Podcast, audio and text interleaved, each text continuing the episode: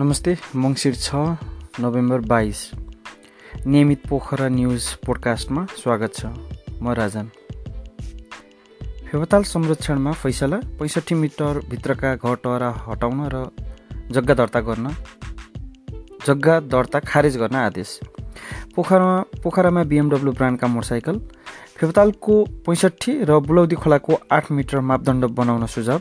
पोखरामा मङ्सिर तेह्रदेखि सफल पोखरा एक्सपो हुने। पोखरामा लागु औषधसहित दुई कार र दुईजना बरामद। पोखरामा बिजुलीको पोलमा मोटरसाइकल ठोकिँदा एकजनाको मृत्यु। उपमेयरको घरमा चोर पसेर सोह्र लाख बराबरको धनमाल चोरी। उपमेयर गुरुङ गोर्खाली ताराबाट सम्मानित। समृद्ध नेपालका लागि कर तिर्न आग्रह। सर्वोच्च अदालतले छ महिनाभित्र पोखराको फेवतालको चार किल्ला कायम गर्न सरकारका नाममा आदेश दिएको छ। अदालतले व्यक्तिको नाममा दर्ता भएको तालको जमिन एक वर्षभित्र बदर गरी तालकै नाममा ल्याउन र पैँसठी मिटरभित्रका घर टहरा छ महिनाभित्र हटाउन आदेश दिएको छ।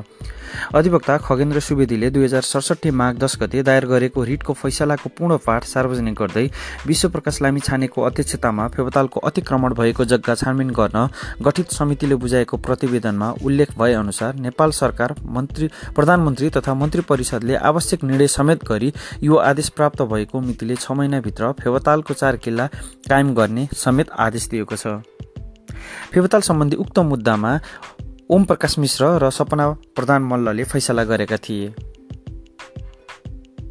फेवताल पुरेको र थप पुग्न सक्ने क्षतिबाट ताल संरक्षण गर्न आवश्यक र निरोधात्मक उपाय तत्काल अवलम्बनका निम्ति साबिकमा फेवताल पुरिएर बनेको के कति जमिन व्यक्ति विशेषको नाममा दर्ता भएको छ यो आदेश प्राप्त भएको मितिले एक वर्षभित्र छानबिन गरी गराई त्यस्तो दर्ता बदर गर्न समेत आदेश दिएको थियो।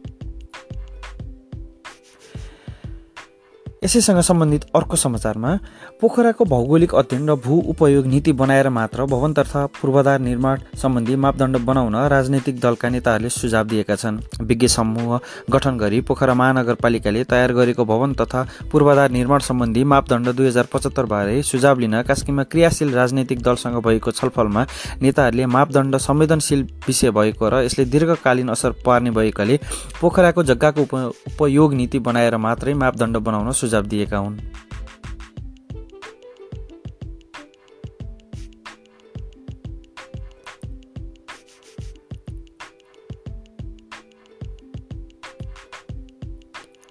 पोखरा उद्योग वाणिज्य सङ्घको आयोजनामा मङ्सिर तेह्रदेखि चौबिस गतेसम्म सफल पोखरा एक्सपो तथा तेस्रो मोबाइल मेला एक सातापछि पोखरामा सुरु हुँदैछ। पोखराबाटै सुरु भएको मेला र महोत्सव अहिले बजारीकरणको सहज माध्यम समेत भन्दै आएको छ। दुई हजार बयालिस सालबाट सुरु भएको औद्योगिक व्यापार मेलालाई परिष्कृत गर्दै पोखरा उद्योग वाणिज्य सङ्घले एक्सपोका रूपमा रूपान्तरण गरेको हो।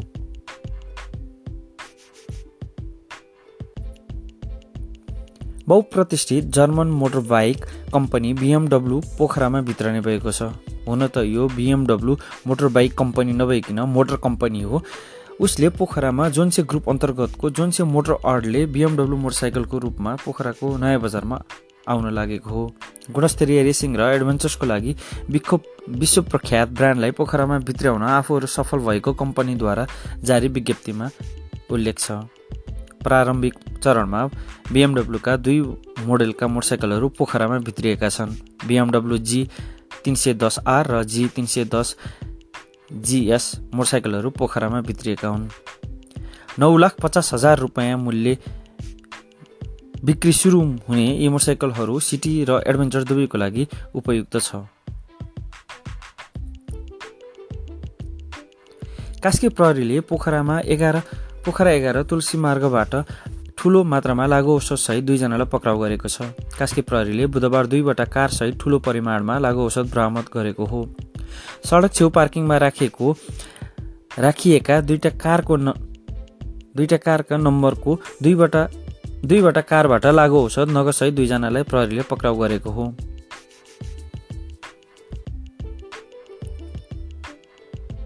पोखरा महानगरपालिका दुई भीमसेन टोलमा मोटरसाइकल दुर्घटना हुँदा एकजनाको मृत्यु भएको छ।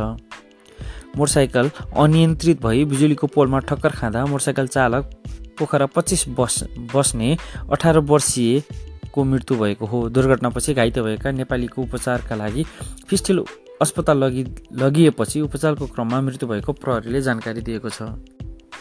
पोखरा उप पोखरा महानगरपालिका उपमेयर मन्जुदेवी गुरुङ गोर्खाली तारा दुई हजार पचहत्तरबाट सम्मानित भएकी छन्। गोर्खाली समुदायद्वारा सञ्चालित गोर्खा एन्ड बरा जुवेलर्स इन्डस्ट्रिज प्रणालीको सातौँ वार्षिकोत्सवको अवसरमा उपमेयर गुरुङलाई उक्त अवार्डबाट सम्मान गरेको हो।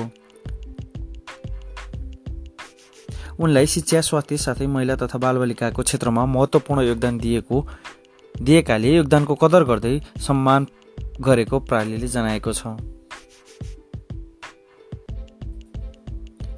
आन्तरिक राजस्व कार्यालयका कार्यालय पोखराका प्रमुख केशव कुमार उप्रेतीले समृद्ध नेपालका लागि कर तिर्न सम्बन्धी सबैलाई आग्रह गरेका छन्। सातौँ राष्ट्रिय कर दिवसका अवसरमा वर्तमान कर प्रणाली विषयमा पश्चिमाञ्चल होटल सङ्घ पोखराले बुधबार आयोजना गरेको छलफल कार्यक्रममा उप्रेतीले कर कर सङ्कलन बिना समृद्ध नेपालको परिकल्पना गर्न नसकिने स्पष्ट पारे।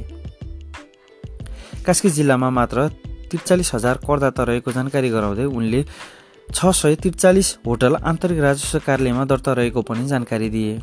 बागलुङ र तनहुमा आन्तरिक राजस्व कार्यालयको स्थापना स्थापनापछि अहिले पोखरा कार्यालयले कास्की र स्याङ्जा जिल्लालाई मात्र आफ्नो दायरामा समेटेको उनले सुनाए।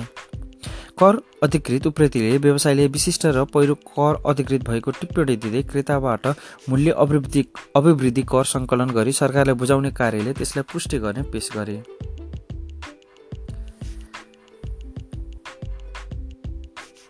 समृद्ध नेपालका लागि कर तिर्न आग्रह गर्नु ठिकै हो। हामीले कर पनि तिर्छौँ तर त्यो कर तिरेको रकम कहाँ जान्छ? के हामीले साँच्चै नै त्यो कर तिरेको रकमले देश विकास भएको देखेका छौँ त? सोच्नुपर्ने पालो आएको छ।